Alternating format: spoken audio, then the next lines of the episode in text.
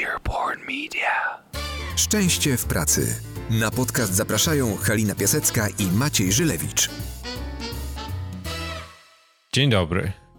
Z wami znowu Maciek Żylewicz. Zapraszam was na kącik czytelnika. Pogoda ku temu sprzyja, bo u mnie przynajmniej za oknem ściana deszczu, temperatura nie najwyższa, Bardziej czuję się, jakby była to końcówka września albo października, niż końcówka czerwca i początek kalendarzowego lata. Siedzę sobie w związku z tym z ciepłą kawą, z dobrą książką na kolanach, której przewracane stronice możecie słyszeć e, gdzieś tam w swoich słuchawkach albo w waszych głośnikach. I e, dzisiejszy odcinek jest naturalną kontynuacją tego, co się wydarzyło w zeszłym tygodniu. E, Tomek Szymański wspomniał o pracy zdalnej, i kiedy przywołałem przykład e, innej firmy, która jest z tego znana, czyli firmy Basecamp, wcześniej 37 Signals, to Tomek powiedział, że oni są nawet w ich książce. Sprawdziłem i tak rzeczywiście jest. W związku z tym, kując żelazo póki gorące, wyciągnąłem ze swojej półki książkę Remote. Książkę znowu, której nie ma w języku polskim, ale myślę, że w kontekście szczęścia w pracy i obecnej sytuacji może być dla Was bardzo ciekawą pozycją. Tym bardziej, że jest też bardzo lekka i przyjemna do czytania, o czym za chwilkę opowiem. Autorami książki są Jason Fried i David Hannemeyer Hanson, panowie, którzy stoją za Basecampem. Na okładce mojej książki cały czas e, podpisani są jako założyciele firmy 37 Signals, ale e, od jakiegoś czasu widzę, że przedstawiają się już jako e, zarządzający Basecampem. My z Basecampem mamy taką prywatną relację, bo jest to program do zarządzania projektami, do zarządzania rzeczami, które się dzieją w firmie i my go przez jakiś czas jako firma używaliśmy, bardzo sobie go chwaląc jako bardzo proste, nierozbuchane narzędzie do pracy projektowej. Dlaczego książka Remote? Remote jest drugą książką tego duetu pisarskiego i chyba tak jak w każdej trylogii mam wrażenie, że drugi odcinek jest jak zwykle najlepszy. Tak było z Imperium kontratakuje, tak było z dwoma wieżami i tak jest z Remote. Ich pierwsza książka, czyli Rework, to były takie postulaty, które mówiły, że praca nie musi być tym, czym my myślimy, że jest i czym musi być. E, I panowie od samego początku stawiali na taką rebelię. Czasami ta rebelia była w bardziej dojrzałej postaci, czasami w mniej dojrzałej postaci. Część z tych postulatów, które stawiali, brzmiały bardziej jak e, komentarze z jakiegoś e, forum internetowego dla młodych lewicowych działaczy. Ale prawda jest taka, że mając ze sobą doświadczenie biznesowe, mogą te tezy bronić chociażby swoimi przykładami. Uprzedzam od razu, że sposób ich pisania i tezy, jakie stawiają, na pewno nie będzie dla wszystkich i ja też podchodzę do tego selektywnie, ale niewątpliwie mają bardzo mocny pomysł narracyjny, jak swoje książki budować. Dlaczego to wygląda trochę inaczej niż być może większość książek biznesowych, które znacie? Otóż e, każda z ich książek składa się z bardzo krótkich rozdziałów, zawsze opatrzonych celną ilustracją. Właściwie nie ma chyba dłuższego rozdziału niż trzy strony, co jest świetna taka pigułka inspiracji na właściwie każde warunki, każde otoczenie. Wystarczy złapać książkę, mieć ją pod ręką, szybko ją przejrzeć, przerzucić kilka rozdziałów i być może zainspirować się. Remote.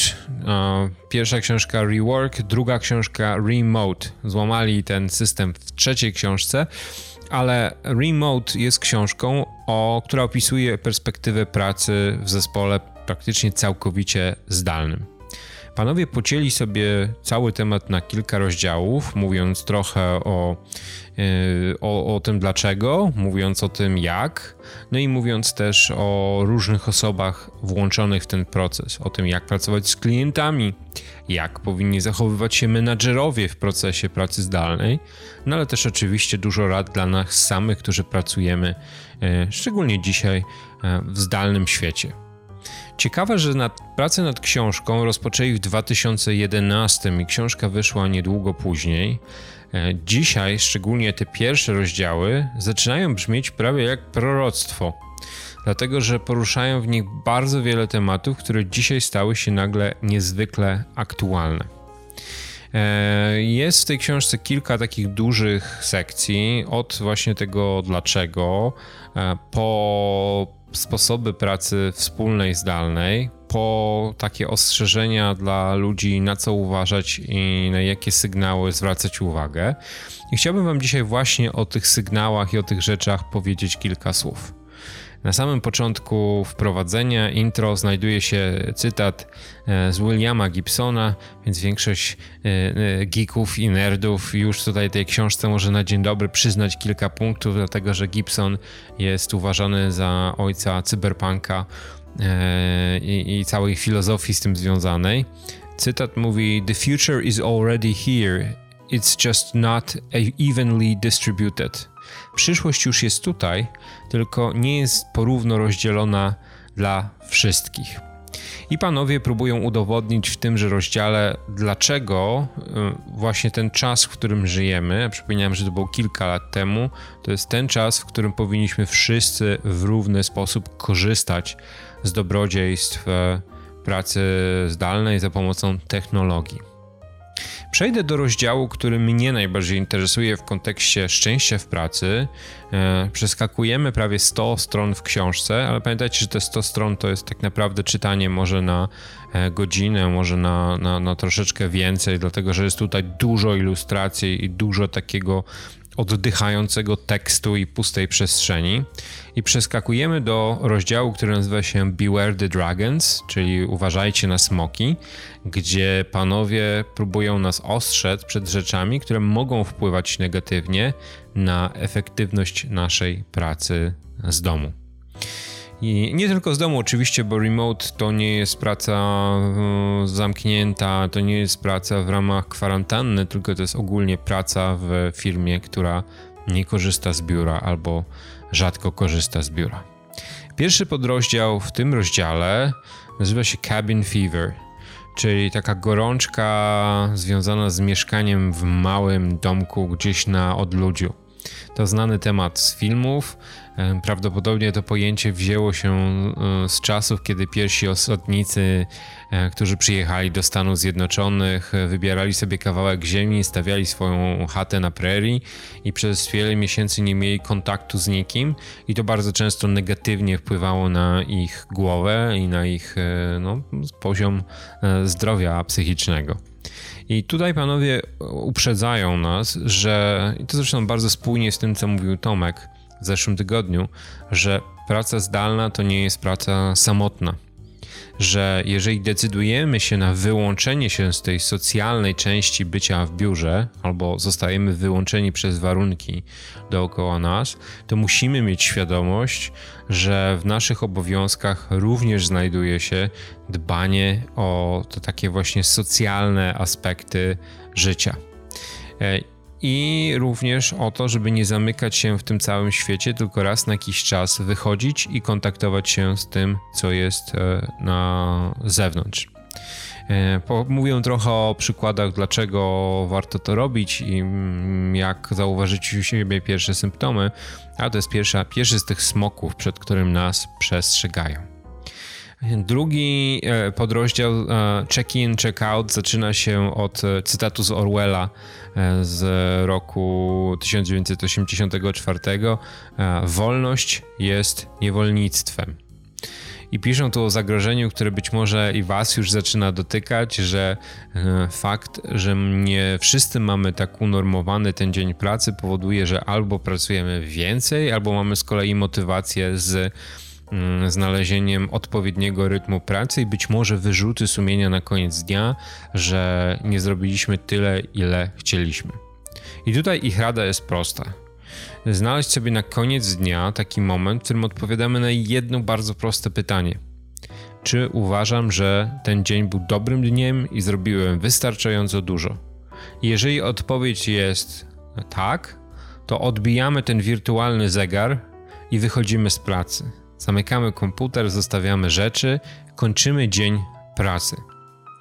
Długofalowe przebywanie w takim stanie zawieszenia, gdzie praca i życie prywatne w tej samej przestrzeni, bardzo często na przestrzeni kilku metrów kwadratowych, nie mają żadnego przedzielenia, negatywnie wpływa i na efekty naszej pracy, i na nasze poziomy szczęścia e, w życiu zawodowym. Co o tym pamiętajmy.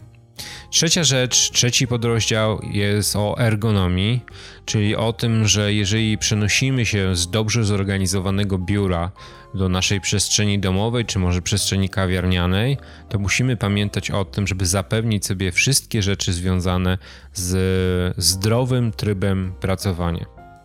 I to, na co często widzę, że nie zwracamy jeszcze uwagi, to że jeżeli zaczynamy wykorzystywać krzesła, na przykład, które dotąd były tylko wykorzystywane do zjedzenia obiadu, do na przykład 12 godzin pracy, albo przenosimy się w tryb półleżąco, półsiedzący na kanapie i tam próbujemy pracować cały dzień, to to oczywiście negatywnie odbije się na naszym zdrowiu i musimy pamiętać, że naszym zadaniem jest stworzenie sobie w ramach zdalnej pracy dobrych warunków dla naszego ciała.